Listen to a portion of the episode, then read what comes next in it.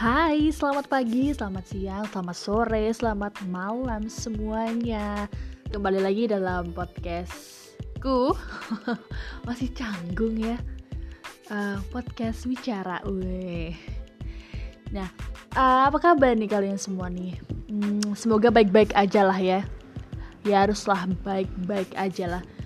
Nah, kebetulan aku tadi tuh lagi scroll scroll media sosial seperti biasa lah ya. Gabut terus scrollnya media sosial. Ya gimana lagi? Nggak ada kerjaan lain. Udah semua aku beresin. Ya udah scroll scroll media sosial aja. Terus aku tuh tadi tuh sempat lihat ada video.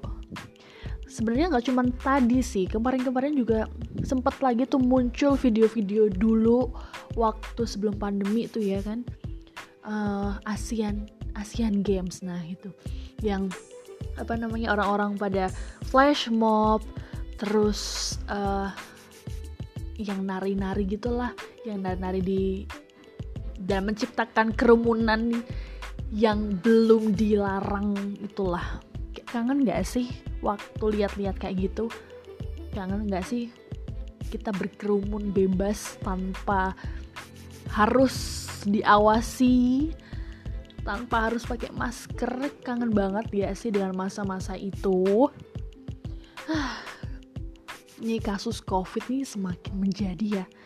Setelah beberapa bulan lalu tuh sempat konstan ya di angka 4000 penambahan kasus apa kasus aktifnya. Konstan tuh sampai bulan apa ya? Pokoknya sebelum Mei lah ya konstan terus. Dan orang-orang tuh bahkan uh, ini apa namanya udah menganggap bahwa covid itu biasa hal yang biasa.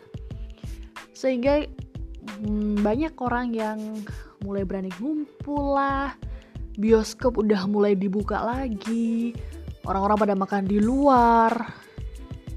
Wisata dengan ya meskipun dengan protokol kesehatan ya.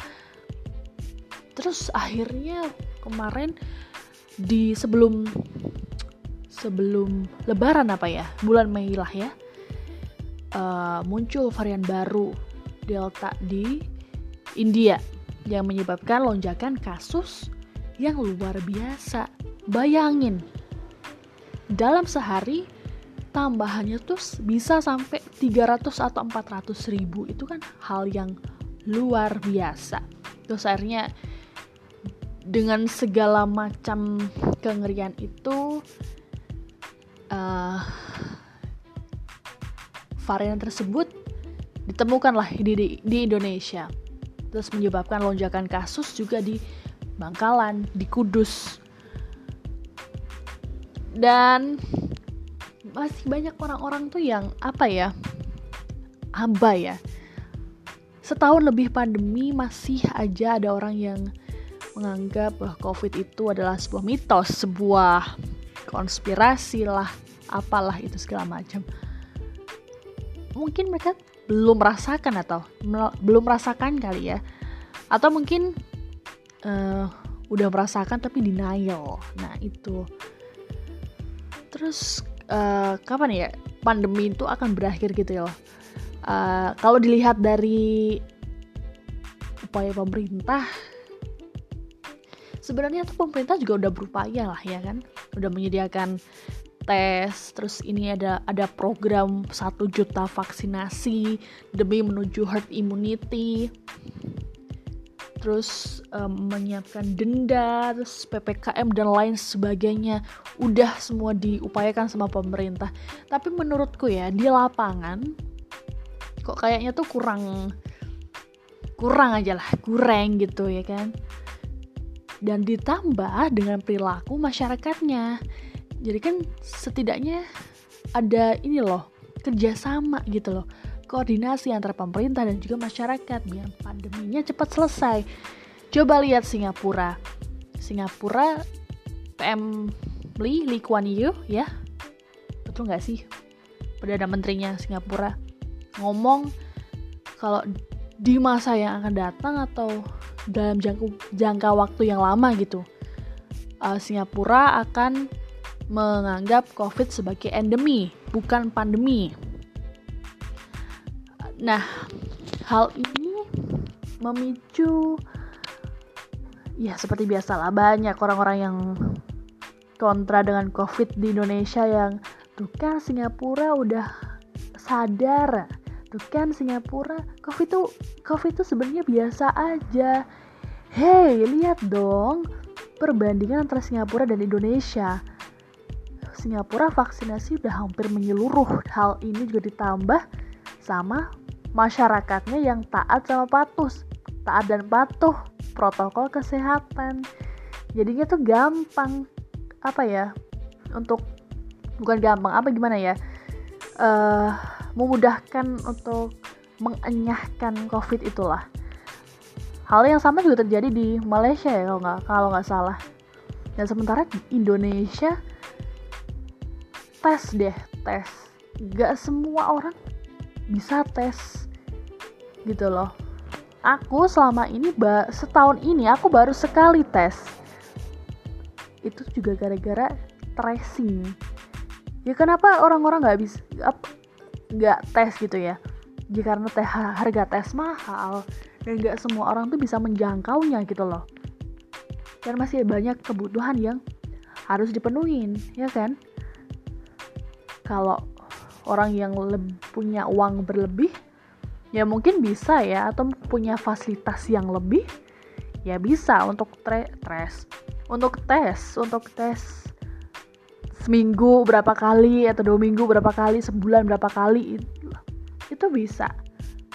Dan untuk kasus-kasus sekarang ini yang diumumkan oleh pemerintah menurutku ya itu adalah kasus yang ketahuan deh.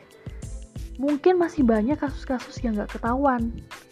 Mungkin ya kita nggak tahu lah ya. Tapi ya ya gimana ya dan sekarang ini belakangan ini kasus-kasus kasus covid melonjak dan uh, mulai ini angkanya tuh stabil di angka 20 ribu gitu. Itu kasus yang luar biasa lonjakan kasus yang wow aku waktu pertama kali lihat tahu informasi ini satu hari itu sampai 21 ribu kasus itu itu tuh aku sampai oh, wow. Dulu waktu sebelum ini uh, paling tinggi itu adalah 13 ribu. Itu aku juga udah wow ngeri banget 13 ribu.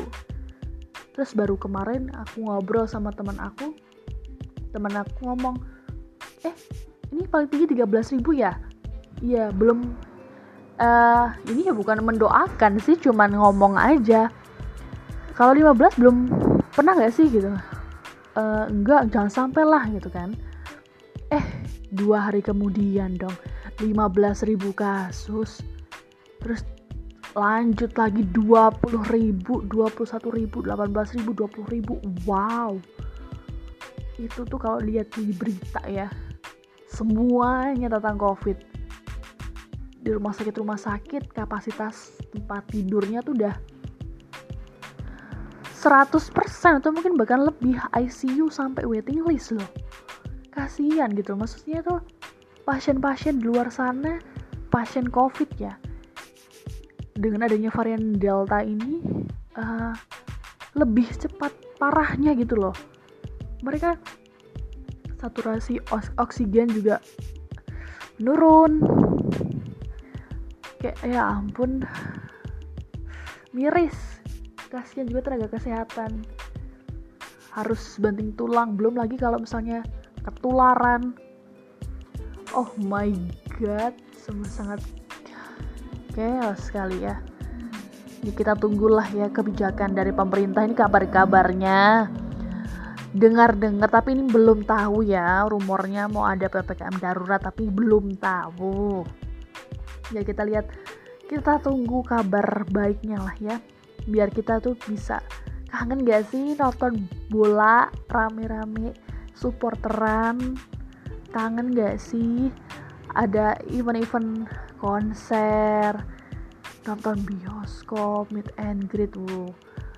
atau mungkin apa ya banyak lah ya.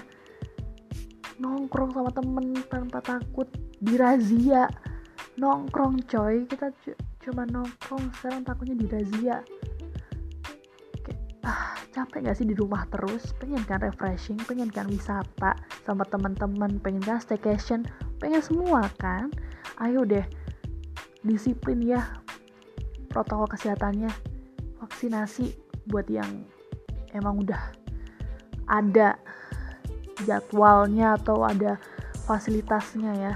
Aku sampai sekarang masih cari-cari untuk vaksinasi karena aku emang perantauan ya perantauan dan ada di kota yang uh, yang menerapkan vaksinasi tanpa KTP domisili itu masih sedikit. Nah itulah. Sungguh sedih. Ditambah dengan banyak sekali orang-orang terdekat yang terpapar. Sedih banget lah ya. Yuk kita disiplin protokol kesehatan biar kita bisa kumpul bareng lagi mudik lagi. Kangen gak sih vibes vibes mudik gitu? Kangen kan?